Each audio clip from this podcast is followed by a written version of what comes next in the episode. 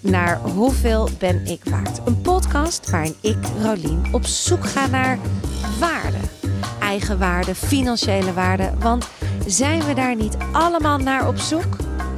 Deze week Emma Lok. Emma is directeur strategie en communicatie bij Women Inc. Women Inc. is een organisatie die zich inzet voor gelijke kansen voor iedereen, ongeacht gender en seks. En het is in Hoeveel ben ik waard voor het eerst dat ik in gesprek ga met iemand die vanuit een organisatie of stichting komt spreken. Emma legt uit hoe we het doen in Nederland qua gelijke kansen. En nee, we doen het niet heel erg goed. Maar ook wil ik van Emma weten hoe het financieel werkt, een onafhankelijke stichting.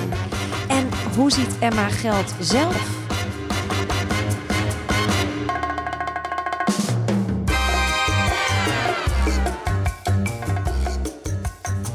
Ja, Emma, ik ga het wel. Kijk, hoeveel ben ik waard? Is wel eh, een, een podcast die ook. Want we gaan het natuurlijk vanuit. Ja, je mag hem al opzetten. Ja, nou, we zijn al half begril. Ik denk dat hij hem al aan heeft staan. Ja, en, eh, maar ik wil heel veel uitleggen nog dat. Dit, voor mij is dit een keer een andere situatie. Want aan de ene kant kom jij als Emma Lok. Ja. En aan de andere kant kom je vanuit een bedrijf. Maar ik ga toch wel echt wil weten hoe jij in dingen staat. Dus het wordt toch wel zoveel mogelijk wil ik proberen jouw verhaal en jouw ambitie en jouw passie waarom je daar werkt en zo. Maar in ieder geval, Emma, Ja. welkom als eerste. Maar eh, ik begin altijd met één vraag in de podcast. En misschien heb je hem al gehoord, maar die gaat als volgt. Wanneer wist je voor het eerst wat je waard bent? Ja, dat is natuurlijk de vraag als je hier eh, bij deze podcast eh, eh, gaat spreken. Dus ik, ik, ik wist het zeker. En ik vind het ook echt een gruwelijke vraag en een hele mooie vraag.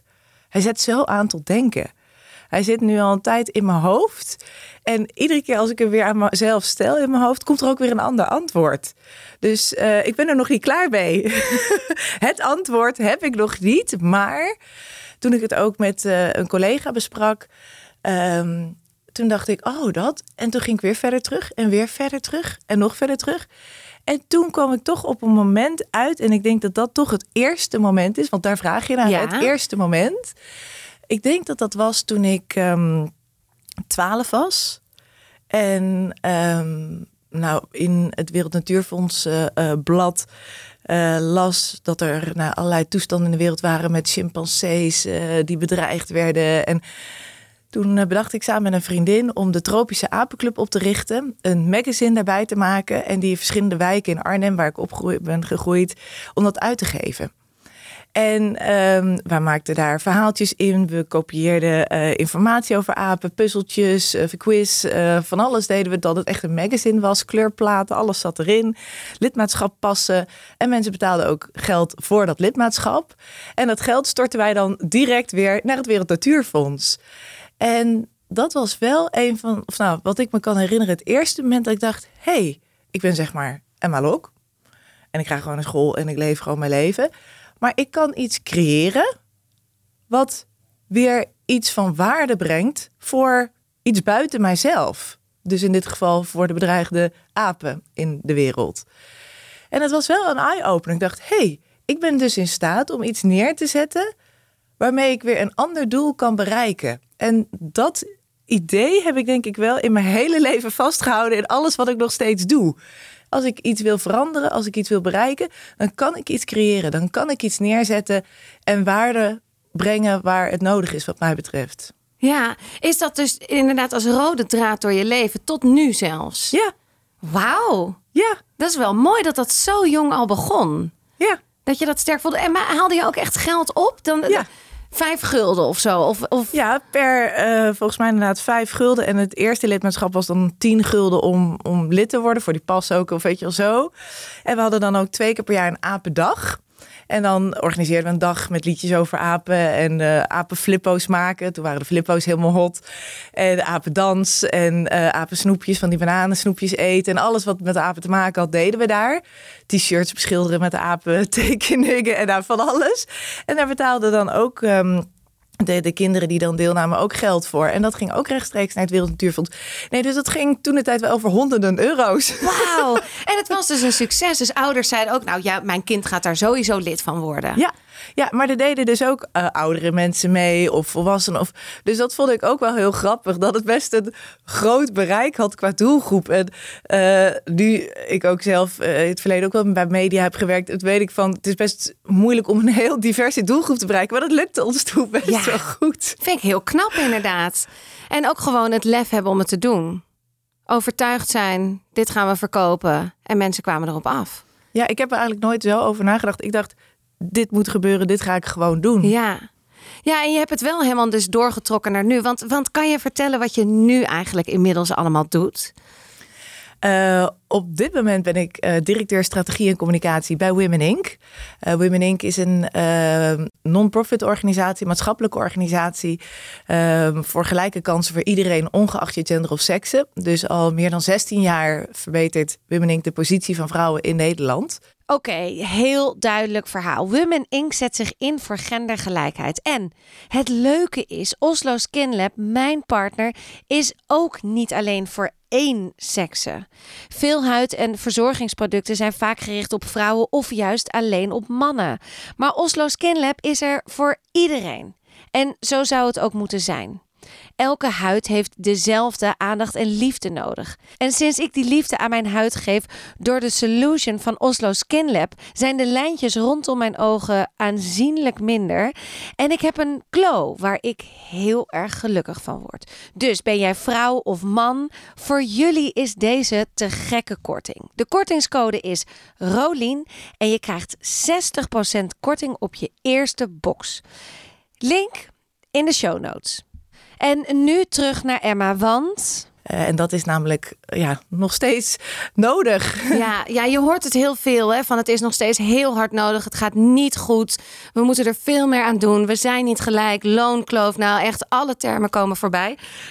maar kan je even echt helemaal terug naar de basis? Wat gaat er nou niet goed? Ja, we gaan helemaal terug naar ja. de basis. Onze missie zijn gelijke kansen. En die gelijke kansen die zijn er op dit moment niet. Um, en dat betekent dat het op dit moment uitmaakt of je man of vrouw bent. Of dat er dus geen gelijke kansen zijn, ongeacht je gender of je seksen. En het is op heel veel thema's zo. Het is niet dat het op één bepaald vlak zo is, maar het is systematisch zo. Met een beetje een, ik vind dat een beetje een ingewikkeld, moeilijk woord, maar dat betekent dat het overal in verweven zit. Dus als het gaat om gezondheid bijvoorbeeld, dan zien we dat de wetenschap, de medische wetenschap van oudsher gebaseerd is op het mannenlichaam, waardoor we veel minder weten van het vrouwenlichaam. En hartinfarcten die zich heel anders presenteren bij vrouwen, worden niet of veel te laat herkend. En daardoor is het echt een letterlijk een kwestie van leven of dood. Maar ook um, uh, zaken als endometriose, typische vrouwen, vrouwspecifieke aandoeningen, worden veel te laat gediagnosticeerd. Vrouwen hebben veel meer last van bijwerkingen van medicijnen bijvoorbeeld, omdat het veel beter op mannen wordt getest. Nou, zo zie je dat er dus letterlijk geen gelijke kansen zijn op een goede gezondheid. Dus uh, men die quicker, want mannen gaan eerder dood. But women get sicker. Vrouwen zijn gedurende hun leven vaker ziek en vaker chronisch ziek. Omdat dus uh, ja, er minder bekend is over het vrouwenlichaam. Nou, dat is gezondheid.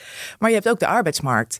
En dat is natuurlijk een hele belangrijke, ook als het gaat hè, om uh, je financiële onafhankelijkheid. Welke autonomie en keuzes kun jij maken in het leven? En op de arbeidsmarkt zie je dat mannen nog steeds in het voordeel zijn dat vrouwen niet op alle functies of in alle sectoren gerepresenteerd worden. Dat um, inderdaad vrouwen nog steeds hè, uh, 13% minder betaald krijgen. Uh, dus er is een loonverschil, de loonkloof uh, ook wel genoemd. En um, dat we ook zien dat de zorgtaken nog steeds primair bij vrouwen liggen. Vrouwen doen anderhalf keer vaker zorgtaken dan mannen. En dat lijkt dan zo van, oh ja, is dat een groot probleem? Ja, dat zorgt voor een enorm verschil als het gaat over de kansen op de arbeidsmarkt. Want um, 43% van de vrouwen krijgen bijvoorbeeld te maken met zwangerschapsdiscriminatie. Um, het was laatst weer in het nieuws, toch? Ja, nu. Klopt. Heel groot, groot nieuws. Ja, klopt. Ik ben dan heel benieuwd hoe dat dan gaat. Kan je mij daar, heb jij enig idee hoe dat dan gaat? We uh, hebben het over Soendos. Die, ja. die, uh, die kreeg een rol. Zij is actrice, cabaretière. Zij kreeg een rol en toen werd, heeft ze verteld dat ze zwanger was. En toen kreeg ze die rol niet meer. Zo komt het in het nieuws. Ja. Ja, en dat is een vorm van zwangerschapsdiscriminatie. Het is eigenlijk nog veel breder. Het gaat over alle fases. Het gaat erover dat je solliciteert en tijdens je sollicitatie al wordt uitgeselecteerd of niet wordt aangenomen. Maar het gaat er ook over als je al een baan hebt, um, dat er uh, wordt gekeken dat jij bijvoorbeeld uh, uh, dat taken van jou naar iemand anders toe gaan en niet meer terugkomen, bijvoorbeeld na de zwangerschap. of dat je bijvoorbeeld je promotie niet of later krijgt. Dus het zit hem als je nog niet, uh, als je werkzoekend bent, maar ook als je al een baan hebt. Er worden allerlei onbewuste aannames gedaan over vrouwen die zwanger zijn. Ze zullen wel moer zijn, minder energie hebben, ze zijn er een tijd uit, ze zijn minder productief, werk is niet meer prioriteit. Allerlei onbewuste aannames en die zijn zo geaccepteerd dat een hele hoop werkgevers met wie ik ook spreek, dit gewoon heel openlijk ook aan mij vertellen. En dat geeft aan dat we. Um, dat er weinig bewustzijn is dat dit gewoon niet mag. Dit is gewoon verboden. Ja. Maar het is heel erg uh, uh, geaccepteerd. En vaak weten dus werkgevers niet dat het niet mag. En daarnaast is het ook helemaal niet wenselijk, want het klopt vaak niet. Um, hè, waarom zou een zwangere vrouw veel minder productief zijn? Waarom zouden haar ambities lager zijn als zij een kind heeft gekregen? Het hangt helemaal van iedere persoon af uh, uh, wat hij wil. Ja. De aanname dat vrouwen sowieso minder gaan werken als ze zwanger worden, dat werkt um, ook juist een verschil in de hand, zou ik willen zeggen. Maar ja, dit, dit gaat, het, het lijkt me, ik ben het allemaal met je eens. Hè? Dit kan niet, dit mag niet, het moet stoppen. Maar dit is 200, 300, 400, 500, 600 jaar, duizenden jaren zit dit in ons systeem. Zelfs ik als vrouw ben helemaal geconditioneerd dat ik doe de kinderen. En ook al heb ik een man die dat niet vindt, hè, maar en ik doe de zorg, de extra. Ik vind, je vindt bijvoorbeeld ook die de belast, de administratieve belast, dus de, dat je de tandarts moet regelen en zo. Dat vind ik ook heel zwaar voor een gezin van ja. drie kinderen plus een man en mezelf maar het is logisch. Ik doe het. Ik ben de vrouw. Dus hoe krijgen we dit uit dit brein? Hoe kunnen we dit doorbreken? Ja, nou jij zegt hè, 500, 600 jaar zit het al in ons systeem. Waar ik heel blij om ben als we kijken naar de afgelopen 100 jaar bijvoorbeeld. Dat er enorm veel veranderd is. Hè. Vrouwen hebben kiesrecht gekregen, actief en passief. Uh, vrouwen zijn handelingsbekwaam geworden in 1957. Dat is relatief nog kort geleden. Ontzettend, ja. Maar dat betekent, dat vind ik ook hoopvol op een bepaalde manier. Dus aan de ene kant denk ik, jeetje, dat is nog maar zo kort geleden. Ongelooflijk. Nou, blij dat ik in deze tijd leef als vrouw. En tegelijkertijd um, is dat ook hoopvol, omdat we zien dat er dus ook echt dingen structureel kunnen veranderen. Ja. En bijvoorbeeld hè, het partnerverlof, dat is ook iets waar Wim zich heel hard voor heeft gemaakt. Nou, dat is uh, twee wat, jaar geleden is, is nu? uitgebreid. Ja. Dat was ooit twee dagen. Dus dan geef je ook als overheid het signaal van... leuk man dat jij een kind krijgt, maar ga gewoon vooral weer aan het werk. Toen was het opeens vijf dagen. Dat is nog helemaal niks. En het, we hebben het nu um, gelukkig zover gekregen dat het is uitgebreid naar zes weken. Uh, als je het vergelijkt met andere landen om ons heen, kan dat nog veel meer. Maar dit is al een, een, mooie start. Waarbij vanaf het begin, uh, dus van de geboorte van een kind, ook de, de, de man of de vader. Um, ja, kan zorgen voor het kind. En dat helpt uh, met de gelijkheid tussen man en vrouw. Want vanaf het moment één um, kan ook dan de partner, dus de man uh, in veel gevallen, de zorg voor de kinderen op zich nemen. En daardoor, vanaf moment één, zie je dat zorgtaken ook anders ingeregeld worden. En we adviseren ook om dat partnerverlof bijvoorbeeld op te nemen na het verlof van de moeder.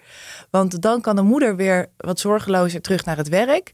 Kan de. Um, vader echt solo care doen. Dus echt in zijn eentje zorgen. Echt die verantwoordelijkheid pakken.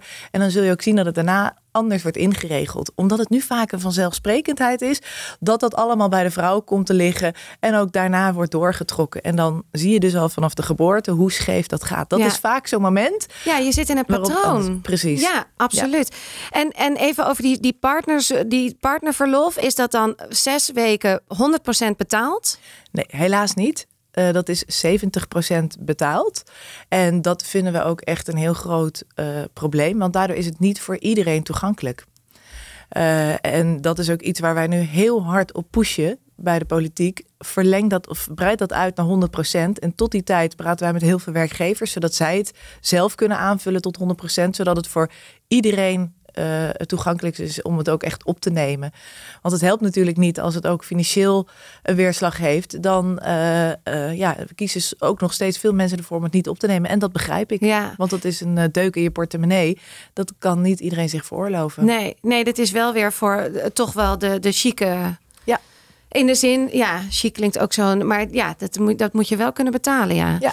En, en welk land doet het nou fantastisch als je kijkt op dit stukje? Ik denk meteen aan Scandinavië. Ja, dan heb je heel goed gedacht. En toch vind ik het ook wel belangrijk om te zeggen: wij doen het op heel veel vlakken echt slechter dan alle landen om ons heen. Duitsland, Verenigd Koninkrijk, Frankrijk. Het maakt niet uit. Alle landen om ons heen doen het beter. Dus we hoeven niet alleen maar te kijken naar Scandinavië. Dat is het beste voorbeeld. Daar kijken we natuurlijk heel graag naar. En ik vind ook zeker dat we als Nederland ons daarmee zouden kunnen meten. En, uh, maar ook gewoon de landen om ons heen. En dat maakt het, vind ik ook, um, zo lastig af en toe dat wij het idee hebben als Nederlanders dat wij het enorm goed doen hierop.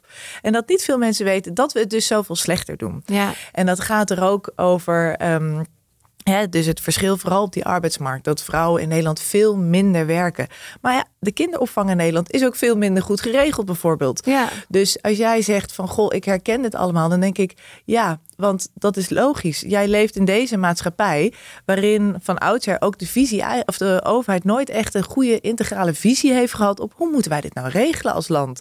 Hoe laten we de kinderopvang en de partnerverlof en al dat soort zaken op elkaar aansluiten? Hoe maken we eigenlijk een, een, een systeem of een stelsel wat ouders, beide ouders in staat stelt om te werken en te zorgen?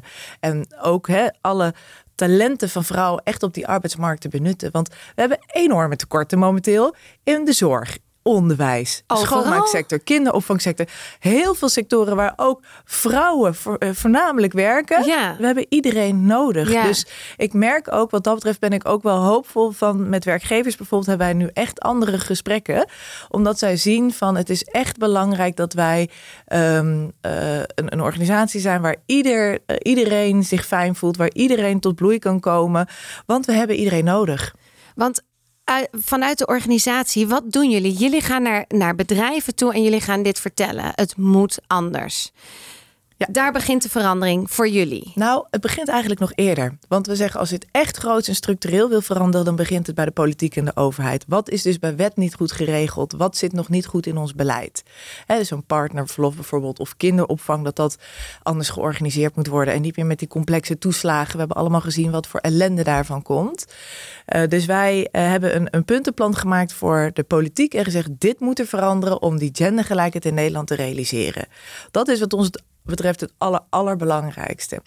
Dan kijken we, en dat noemen wij, dus dit is het macroniveau, dan gaan we ook naar mesoniveau. En daar zit het veel meer op werkgevers en professionals. En dan ga je ook kijken naar bijvoorbeeld de gezondheidsprofessionals. We hadden het er net al even over de gezondheid.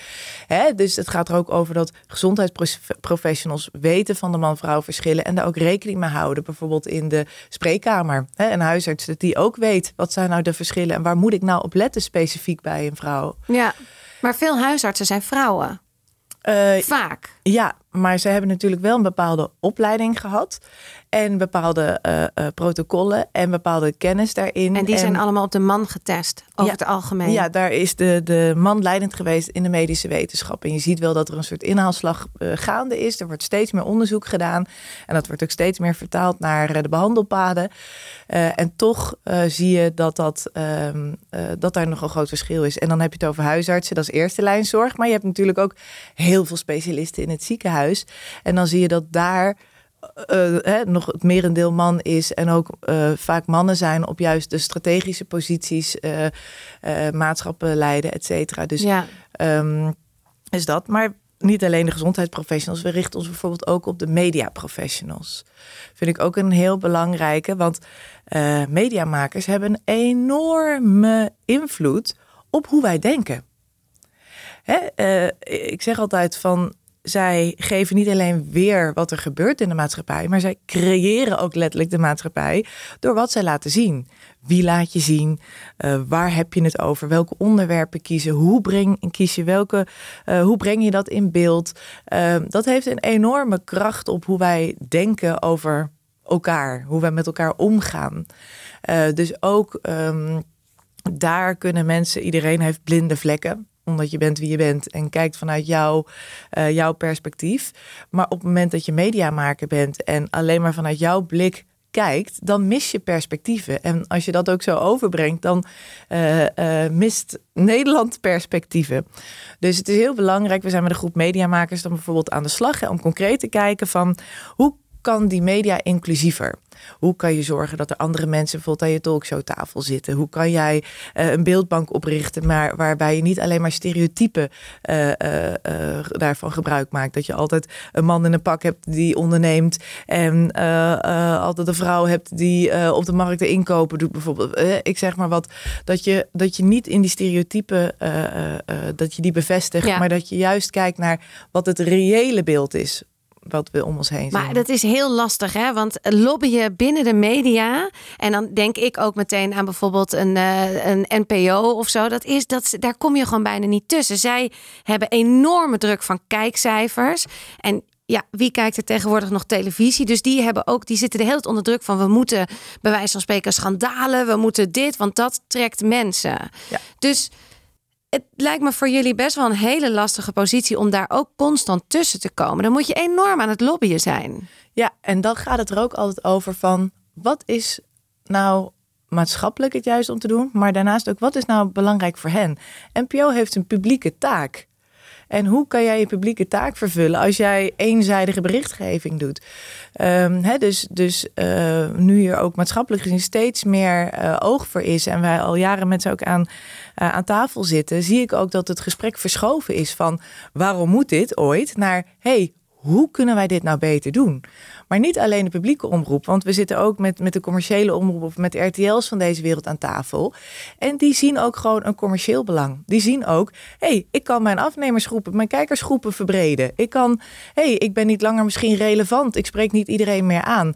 Nou, ook het daar bewust van maken. Uh, en hoe doe je dat dan? Daarbij helpen ook. En ook vooral uitwisselen. Uh, vind ik heel leuk. En we hadden in november een, uh, uh, een evenement waarbij we ook de nieuwste cijfers bekendmaken van hoeveel mannen zijn nou in beeld, hoeveel vrouwen zijn er in beeld. Nou, dan zie je dus dat het man. Weet je dat een beetje? Ja, 39 procent um, van wat we op televisie zien is vrouw. Dat betekent dus dat het overgrote gedeelte man is wat we zien op televisie. Iets verbeterd, maar daar zit nog wel echt een verschil tussen. En vooral dus ook dat je vooral mannen ziet in een expertpositie. En vrouwen veel vaker worden geïnterviewd als ervaringsdeskundige. Even een interviewtje op straat. Nou, dat geeft natuurlijk ook al een heel andere uh, indruk. Hè? Dat, dat, dat laat een ander beeld achter van mannen en vrouwen. En dat heeft ook bijvoorbeeld weer met leeftijd te maken. Mannen, naarmate ze ouder worden, worden waardevoller gezien op televisie. Met meer kennis en ervaring. Terwijl vrouwen boven de 50, 55 zie je gewoon bijna niet meer op televisie. Nee. Dus dat is ook gek. Ja. dat, dat, dat ja, zet toch aan het denken van... Hmm, gaat het dan bij vrouwen toch meer om het uiterlijk? Of hè, dat zijn, uh, liggen ja. misschien allerlei uh, aannames onder. Ja. Um, Hoe kijk jij zelf naar televisie? Kan jij nog normaal kijken? Of heb je, kijk jij echt met een bril van... Oh, daar gaan we weer. Of ik zie weer dit. Of... Nou, ja, eigenlijk wel. Ja, nee, dat is... ik vind het af en toe ook heel... Uh, uh, ja ons werk houdt niet op als ik het kantoor uitloop of mijn laptop dicht doe. Um, als ik een artikel lees in de krant of als ik een podcast luister of als ik iemand spreek op straat of als ik een gesprekje hoor in de trein. Ja, ik kan niet anders dan ook uh, eigenlijk naar de maatschappij te kijken via deze lens. En tegelijkertijd moet ik ook zeggen. Um, dat ik dat bewust soms even uitzet en dan ook denk, ook oh, ga even lekker naar de bachelor kijken. Ja, mag ook, natuurlijk. Heerlijk. En, en, maar wat doet dat met jou als je gewoon weer eens naar de televisie kijkt en je ziet weer die verdeling en er vallen je weer acht dingen op dat je denkt, ja, daar gaan we weer. Het is weer niet inclusief. Wat doet dat met jou? Nou, ik denk, dat denk ik eigenlijk niet. Want dan zou ik ook beter kunnen stoppen met mijn baan, want dan word je hartstikke cynisch. En uh, ik denk iedere keer, goh, wat zie ik hier nou gebeuren? Um, wat, wat, wat zit hier nou in? En dan probeer ik te kijken van wat zijn misschien nog andere manieren waarop wij ons werk kunnen doen. Of wat zijn nog andere groepen die wij moeten bereiken. Of um, Uh, ja, dus, dus ik, voel me iedere keer wel geprikkeld uh, om, om te denken over onze aanpak. En dat is ook mijn rol natuurlijk, hè, als directeur strategie en communicatie. Ik ben altijd bezig van wat zijn onze stippen op de horizon? Welke thema's moeten we aanpakken? Maar ook vooral de stappen. Hoe doe je dat op de meest effectieve en efficiënte manier? Dus uh, ik kijk altijd met die bril prima, dit is de status van vandaag. Die moeten we niet ontkennen. Daar moeten we bewust van zijn. Maar hoe breng je die verandering? Dus ik zie mezelf veel meer als die veranderingsmanager en niet zozeer als degene die overal op baggert. Uh, uh, ja, heeft ook misschien geen zin. Vind ik mooi hoe je dat inderdaad zegt. Want ik kan me voorstellen, ik zou misschien een beetje cynisch worden van zie je, daar gaan ze weer. Maar aan, dat heeft gewoon helemaal geen zin. Bereik je niks mee. hey, Emma, hoe ziet jouw dag eruit? Als het, ik je hebt een titel waar je u tegen zegt. Echt prachtige titel eh, wat je allemaal doet. Maar hoe ziet zo'n dag er nou uit van jou? Is dat op kantoor zitten de hele dag telefoontjes plegen? Of nou ja, nu dan even in, de, in een studio? Ja, nee, gelukkig niet de hele dag telefoontjes plegen. Uh, wel veel overleggen. Ik spreek vaak mensen die zeggen: Oh, als ik naar jouw agenda kijk, ik word gek. Uh, dan denk ik: Oh, als ik naar mijn agenda kijk, dan denk ik: Yes. Uh, veel leuke dingen te doen en altijd afwisselend. dus inderdaad, nu zit ik hier bij deze podcastopname. Nou, dat is een onderdeel van mijn baan. Hè? Een stuk woordvoering. Dus dan zit ik weer bij de radio of een interview of iets. Dus dat zit er eigenlijk gedurende de week altijd wel een beetje in. Maar dat is zeker niet alles. Um, we hebben uh, een team met uh, redactie, communicatie, uh, programmamanagers die allemaal verantwoordelijk zijn voor een thema. en ik zit steeds met die teams ook om te kijken van goh, welke projecten lopen er op een thema en waar is misschien nog aanscherping nodig. Maar ook om te inventariseren van goh, um, waar doen we nog niet genoeg op? Waar moeten we nog meer impact maken met zo'n mooi woord? En dan ga ik ook kijken naar um, hoe kunnen we daar bijvoorbeeld uh, partners aan verbinden of financiering voor krijgen. Dus ik zit ook veel bij ministeries, maar ook veel bij fondsen. Um, ik zit veel bij uh, andere organisaties met maatschappelijke missies om te kijken van, goh, kunnen we misschien samen optrekken? Um, dus ik ben altijd uh, ook aan het zoeken naar die verbinding. Uh, en dan dus weer met mediamakers of met gezondheidsprofessionals. Dus ook iedere keer uh, heel erg naar buiten treden om, om het gesprek gaande te houden in al die werelden. Want ik weet, wij zijn een versnellingsmachine. Wij zetten allerlei zaken in beweging. Dat betekent constant er zijn, constant het gesprek voeren, constant kijken wat er nodig is. Want dit is een van de eerste dingen die vaak weer van tafel valt, wat dan niet meer prioriteit is. Dus ik ben ook, ik zie mezelf ook soms als een soort wandelende reminder of een wandelende uh, uh, ja, een gesprekspartner ook om de hele tijd te kijken wat heb jij nodig om vanuit jouw positie of vanuit jouw rol nog iets te veranderen. Ja, ik vond het ook heel mooi in het voorgesprekje inderdaad hoorde ik, was ik even aan het teruglezen en daar stond ook inderdaad voor mensen is het uh, niet die dit niet dagelijks voelen, de urgentie van deze verandering die jullie wel doorzetten, ja dan wordt het zo van de tafel afgeveegd. Dus het, ja. dus het is belangrijk voor jullie dat het constant weer op de agenda komt. Ja. Dus jullie moeten daar de hele tijd blijven zijn. Ja, want ik spreek eigenlijk nooit iemand die zegt van ik ben het er niet mee eens. Maar op het moment dat je er zelf niet mee te maken hebt, ja, dan ga je niet dit dagelijks uh, uh, doen en veranderen. Um, en daarom vind ik het ook vaak, ik, ik, spreek ook vaak met managementteams of in de, de boardrooms bijvoorbeeld, die verantwoordelijk zijn voor een grote organisatie, heel veel mensen, heel veel banen. Um, en vind ik het ook heel belangrijk om te kijken van, goh, wanneer bijvoorbeeld in hun leven zijn zij zelf uitgesloten? Uh, wat hebben zij zelf meegemaakt om echt te kunnen identificeren met mensen die daar dagelijks tegenaan lopen? En dat, dat blijft altijd moeilijk en lastig en een groot verschil, dus dat kun je absoluut niet vergelijken. Maar het is wel heel belangrijk om, um, om het daarmee ook, vind ik, persoonlijk te maken. En um, uh, terug te gaan naar die ervaring om vanuit dat gevoel ook de urgentie eigenlijk aan te wakkeren. En ook te laten zien wat consequenties zijn van hun keuzes voor een hele hoop mensen. Ja. Heb jij jezelf wel eens ergens buitengesloten gevoeld of niet inclusief of de verdeling gevoeld? Heb je het? Ja, absoluut. Ja? Um, uh, nou ja, we hadden het net bijvoorbeeld over uh, uh, een kinderwens. Ik heb een kinderwens. En wat je merkt is bijvoorbeeld dat de maatschappij heel erg is ingericht op vrouwen met kinderen. Ik ben 37 jaar, hè, dus om mij heen, ik zie eigenlijk bijna geen vrouw van 37 jaar zonder kinderen. Je ziet dat dat gezinnen zijn de norm. En daar is de maatschappij op ingericht. Mensen um, eh, gaan ervan uit dat je kinderen hebt. Mensen verwachten dat je kinderen hebben. Of je moet vragen beantwoorden. Of je, uh, uh, je moet je verantwoorden. Of er zal wel iets mis met jou zijn. Of, nou, dat is zo'n thema waarvan ik ja, wel me buitengesloten soms voel. ja. ja. Uh, en er zijn nog allerlei andere uh, voorbeelden. Ik denk wat, wat ik nog relevanter vind, is dat er gewoon um, zaken zijn waarop mensen structureel worden buitengesloten. Hè? Mensen van kleur worden structureel buitengesloten en hebben minder kansen. Um, mensen met een, niet-Nederlands culturele achtergrond worden vaker buitengesloten. Mensen met een uh, lichamelijke of geestelijke beperking worden vaker buitengesloten. Zo zie je dat er groepen zijn die ook stelselmatig worden buitengesloten. En ik vind dat we daar en ook de, de groep, alle onderliggende verbanden tussen de groepen, dat we daar echt goed oog voor, uh, voor moeten hebben. Ja, het is nu bij mij speelt er nu heel erg iets actiefs. Op dit moment is het microdiscriminatie. Ken je dat? Dat is zeg maar precies wat jij nu beschrijft. Dus jij krijgt waarschijnlijk heel vaak te horen van... heb jij nog geen kinderen? En dan, dat is niet... Iemand vraagt het uit, uit lief, iets liefs. Maar het prikt jou elke keer een beetje. Want het is, ja. ook, al, ook al ben je er heel open in... en helemaal oké met de situatie die is... toch doet dat iets met je. Ik krijg altijd te horen... jeetje, wat ben jij groot. Dus ik voel elke dag alsof ik een olifant... alsof ik als een olifant de kamer binnenkom lopen. Dat zijn een beetje van die microdiscriminaties. En dat is natuurlijk gebeurd heel, ook al bedoelt niemand dat onaardig hè, naar mij, maar dat zijn de hele dag dingen die, die we elkaar aandoen en die we in mijn ogen ook ontzettend moeten veranderen. Dat je even nadenkt voordat je iets, je kan het ook vragen op een misschien een andere manier, of dat we het gesprek met elkaar veel meer aan moeten gaan. Ja.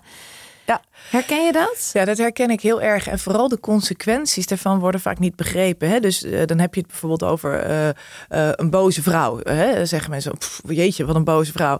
Ja, als zij constant te maken krijgt met grappen. Hè? Die eerste grap echt niet zo erg. Niet, mm, nou, oké.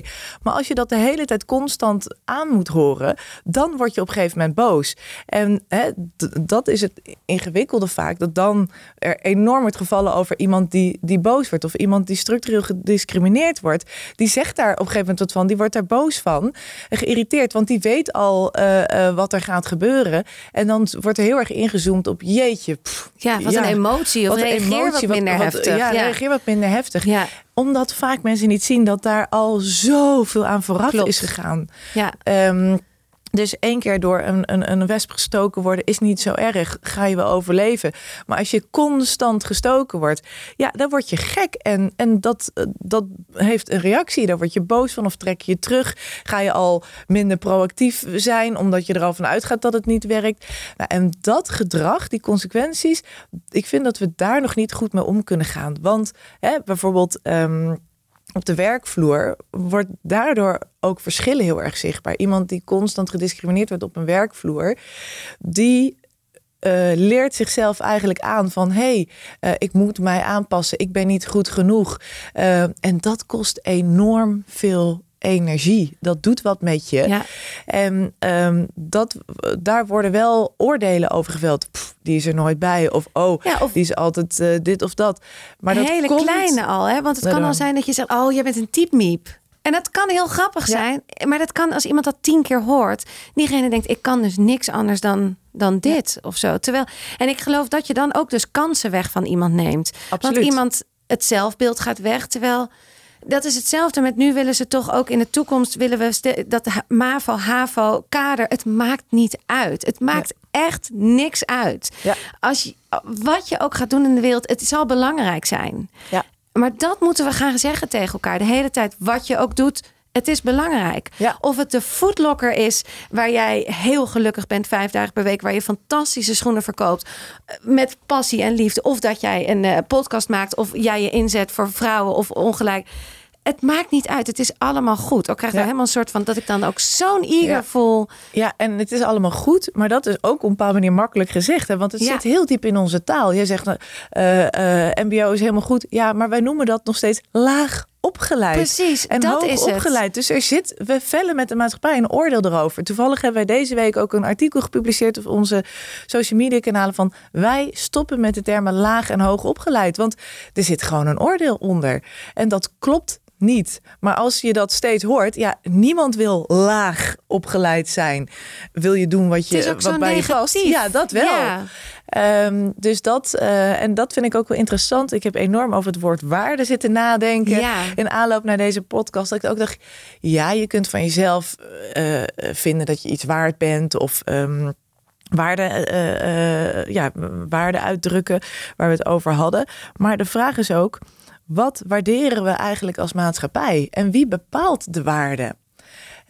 toevallig hebben wij ook net een onderzoek gedaan naar de kunst- en cultuurwereld. En bijvoorbeeld veilinghuizen, daar wordt natuurlijk heel expliciet waarde bepaald van kunstwerken.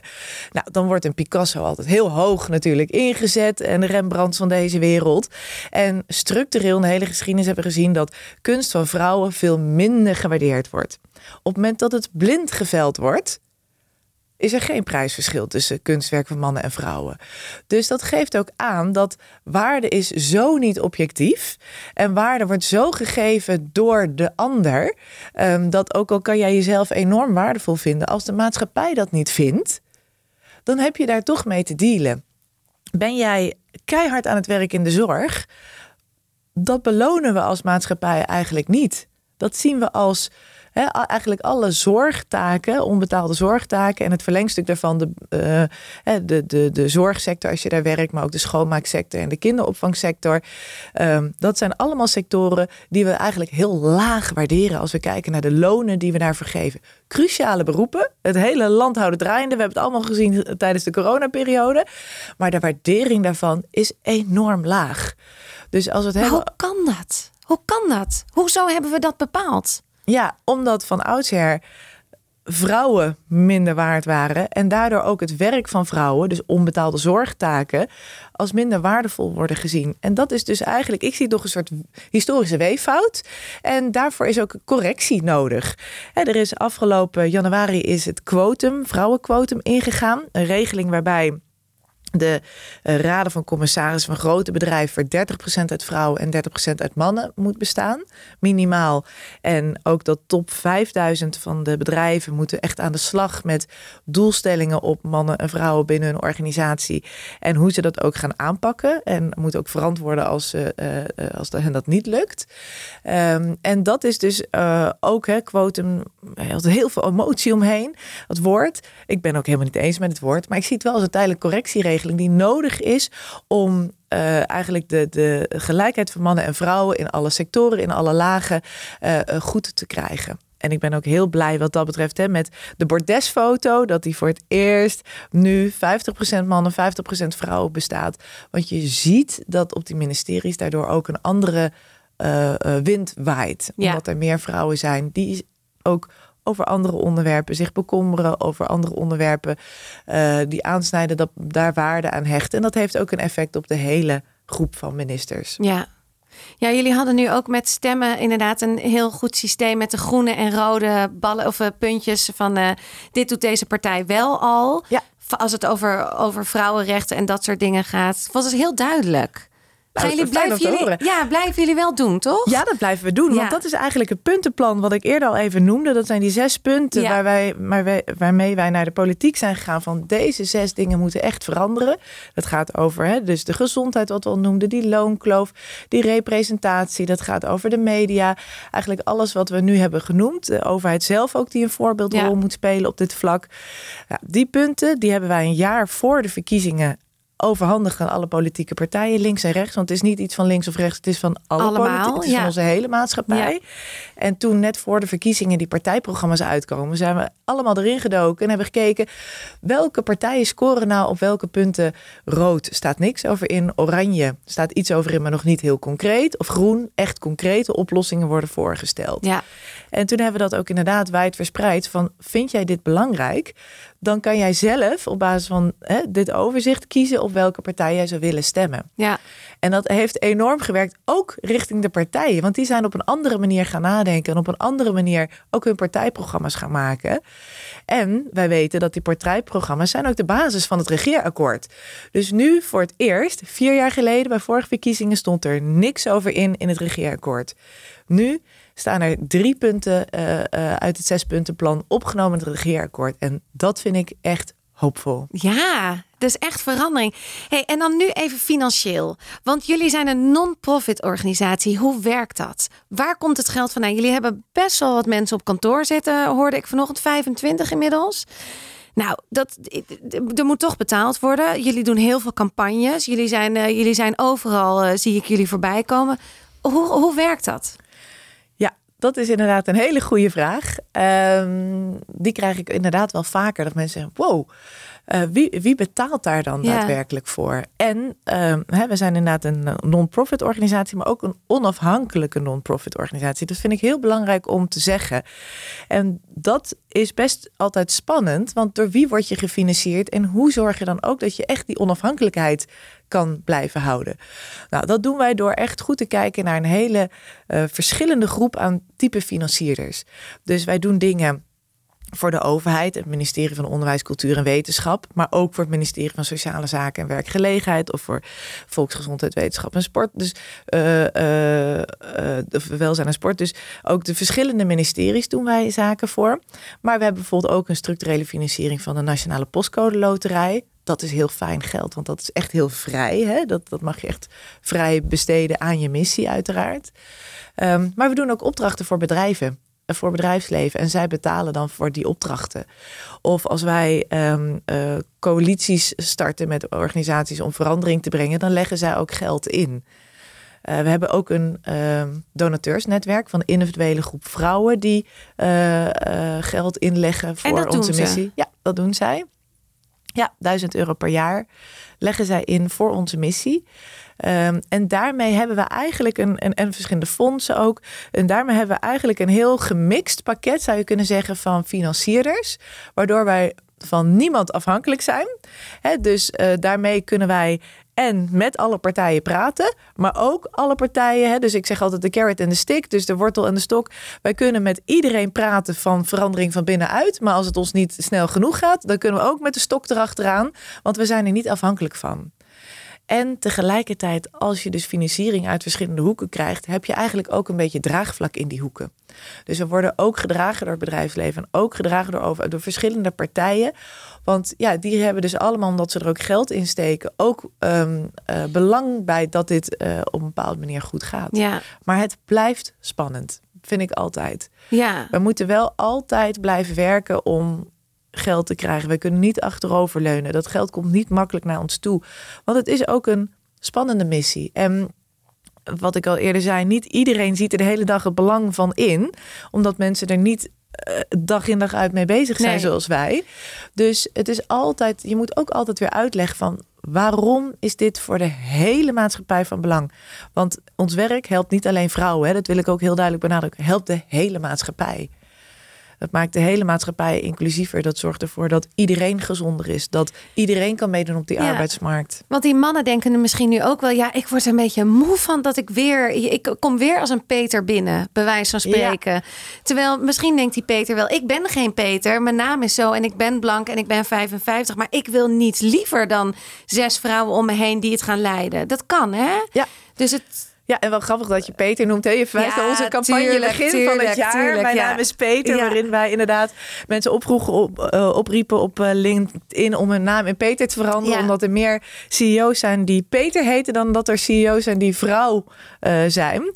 Inmiddels moet ik zeggen, is dat nu gelijk. Dus wij zien weer een positieve trend. dat is binnen een jaar hebben jullie dat dan al Ja, een soort van... Het was net de tijden van, eh, van de campagne ongeveer dat dat gebeurde. Oké. Eh, maar goed, het gaat om dan één persoon. Hè? En dan gaat het over eh, vier CEO's die Peter heten en vier die vrouw. Weet je wel zo. Dus Ja. het is nog allemaal heel klein. Maar het geeft een ontwikkeling weer. En die stimuleren wij van harte. Ja, Maar daar verwijs je naar. En inderdaad, ehm, wat ik dus ook leuk vond van die actie... om te zien dat ook heel veel mannen juist... hun naam in Petra veranderen, eh, veranderden. En echt daarmee hun solidariteit ook lieten zien. Dus wat ik heel mooi vind, is dat er steeds meer mannen... ook ervan overtuigd zijn dat dit op deze manier niet langer kan... en dat de verandering nodig is. En het betekent niet of-of. Op heel veel manieren kan het ook en en zijn. Ja.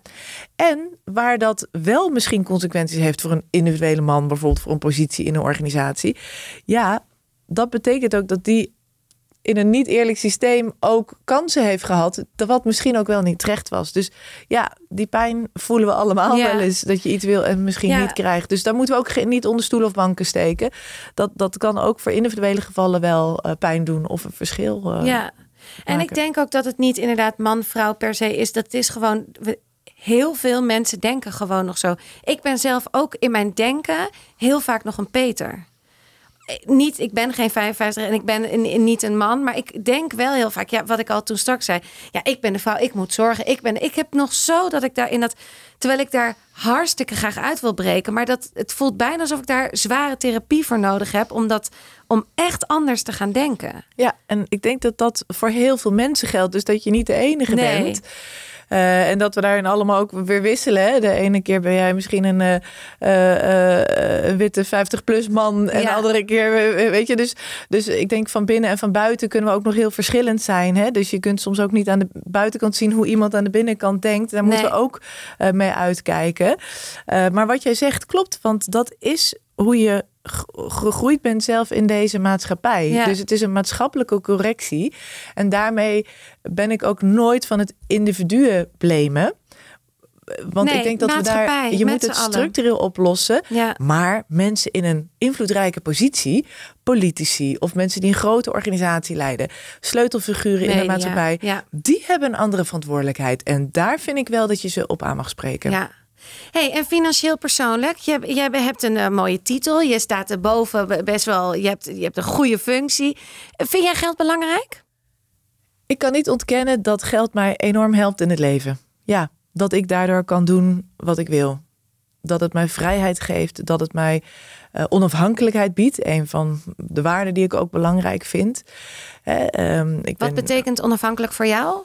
Nou, dat ik altijd op ieder moment mijn eigen plan in het leven kan trekken. Dus ik zit nu in een relatie, maar dat ik die relatie kan beëindigen. Dat ik. eh, Doen jullie als- 50-50? Ja, ja, ja. En als je straks een kindje hebt? Dat blijven we doen. Ja? Tenminste. eh, ja, nee, dat kan. Dat, ik, ik streef daar wel, ook naar. Dat is wel echt een. eh, dat, nee, dat is, eh, dat is zeker. Ja, ja, Eh, dus zo- zodra ja. het, eh, de- wa- wat de situatie ook verandert, of Ja. hoe die ook gaat lopen, Ja. jij blijft voor jouzelf altijd Ja. 50% willen betalen. Ja, zeker. Ja, ja, ja. Nee, ik, dat, ja, dat, dat geeft me dat onafhankelijke gevoel. Dat je dus inderdaad zelf al je keuzes kan maken. Dat is voor mij heel belangrijk. En ik heb dat denk ik ook meegekregen. Mijn eh, ouders zijn gescheiden toen ik acht was. En eh, mijn moeder die heeft ehm, regelmatig gezegd... het feit dat ik in het huis waar wij zijn opgegroeid kon blijven wonen... komt omdat ik altijd ben blijven werken. Het feit dat ik nu zo op deze manier ook eh, eh, de zorg voor jullie op mij kan nemen... komt omdat ik eigen geld had, omdat ik altijd ben blijven werken. Dus voor mij eh, was dat heel duidelijk. Ook omdat ik ouders van vrienden zag die niet uit elkaar gingen. Omdat ze ja, eh, dat heeft heel veel eh, financiële consequenties. Wij weten niet hoe we dat moeten doen. De grote verschil. En hè, dat is ook, blijkt ook uit de cijfers. Dat na scheiding gaan vrouwen er 25% financieel op achteruit. En heel veel, voor heel veel mensen is het alsnog ook een reden om niet te scheiden. Terwijl ja, dat soms wel beter is voor iedereen. Ja, Ehm, dus, dus ja, eh, die vrijheid vind ik heel erg belangrijk. En ik moet wel erbij zeggen dat ik ehm, in die zin eh, enorm luxe heb dat ik vanaf eh einde van mijn studie, dat ik eh, gestudeerd heb, dat ik vanaf mijn studie al tot nu altijd vaste banen, goed betaalde banen heb gehad. Ehm, dus dat is ook makkelijk praten, dat besef ik ook. ja. Dat ja, dat- dat, ja, en ook, hè, ehm daarin zitten wel weer keuzes natuurlijk. Hè. Dus vroeger dacht ik altijd, oh, je gaat op een gegeven moment werken. En je gaat altijd zo lineair meer verdienen naarmate je meer ervaring hebt. Nou, mijn salaris ziet er niet zo uit. Mijn salaris was, ik denk, na zes, zeven jaar werken op het hoogtepunt. En dat is sindsdien alleen maar afgenomen. Omdat ik vanuit de commerciële hoek naar de maatschappelijke hoek ben gegaan. Ehm, maar dat heb ik heel bewust gedaan. En alsnog kan ik eh, makkelijk praten, omdat mijn salaris me altijd in staat hebben gesteld om te leven eh, hoe ik zou willen leven. Eh, maar het is wel een bewuste keuze om niet voor het meeste geld te gaan, eh, maar voor ja, de maatschappelijke missie, maatschappelijke bijdrage leveren, wat ik mooi en belangrijk vind. ja dit, gaat, dit gaat je echt aan het hart, hè? Dit wat je doet. Ja, ik geloof, ja, wat ik, wat ik niet kan verkroppen is dat wij tuurlijk, er zijn allemaal verschillen tussen mensen. Dat is nou eenmaal zo. Maar dat wij een maatschappij of een systeem creëren wat die verschillen groter maakt, op niks gebaseerd, dat vind ik niet kunnen. Ik denk dat wij alles in staat moeten stellen om waar mogelijk de gelijke kansen zoveel mogelijk te realiseren. En niet met een systeem alleen maar dat die alle kloven op alle terreinen, financiële kloven, baankloven, netwerkkloven, op allerlei fronten zijn er enorme kloven. Dat we die niet groter maken, maar kleiner. Dat is uiteindelijk voor iedereen waardevoller. Ja, mooi. Ik wil hem afsluiten. Ik wil eigenlijk alleen nog één vraag stellen. Heb je dan wel een financieel doel voor jezelf? Of kan dat gewoon niet? Als je voor een non-profit organisatie werkt, dan kan je gewoon eigenlijk. Dit is gewoon wat er is voor jou. Dit is wat je kan. Weet je wel wat je nu verdient. En dat is de komende jaren prima. Ik heb geen financieel doel. Ehm, maar ook omdat ik gewoon niet op die manier in elkaar zit. Ik kijk al naar wat wil ik. En dan ga ik kijken hoe zorg ik dat ik de middelen ervoor heb. Dus ook hetzelfde met uh, waar we mee begonnen. Hè? Uh, de Tropische Apenclub, het magazine wat ik heb opgericht. Ik dacht, wow, ik wil die apen helpen. Nou, mijn zakgeld is niet heel hoog. Dus dat gaat het niet worden. Hoe kan ik geld creëren voor de apen? En dat is denk ik ook hoe ik met allerlei dingen in elkaar zit. Uh, net als Wim en Ink, we hebben een missie. Hoe zorgen we dat we daar geld achter krijgen? Dus voor mij staat altijd de, de inhoud, mijn verlangen, mijn wensen staan voorop. En dan linksom of rechtsom uh, zit er wel wat ondernemerschap, denk ik, in me om dan dat ook voor elkaar te krijgen. Ja. Wauw, knap hè? Je was 12, 37 en je doet het alleen maar in stijgende lijn. Te gek. Dankjewel. Jij bedankt. Yes, dit was hem voor deze week. En Emma, dankjewel. Ik heb weer veel geleerd en er is dus nog veel werk te doen. Maar samen als maatschappij is alles mogelijk. En als jij deze vrouw, ik dus, wilt steunen en daarmee natuurlijk de podcast steunt, ga naar www.vriendvandeshow.nl slash hbiw en word voor 3 euro per maand vriend. Nou, voor nu, tot de volgende!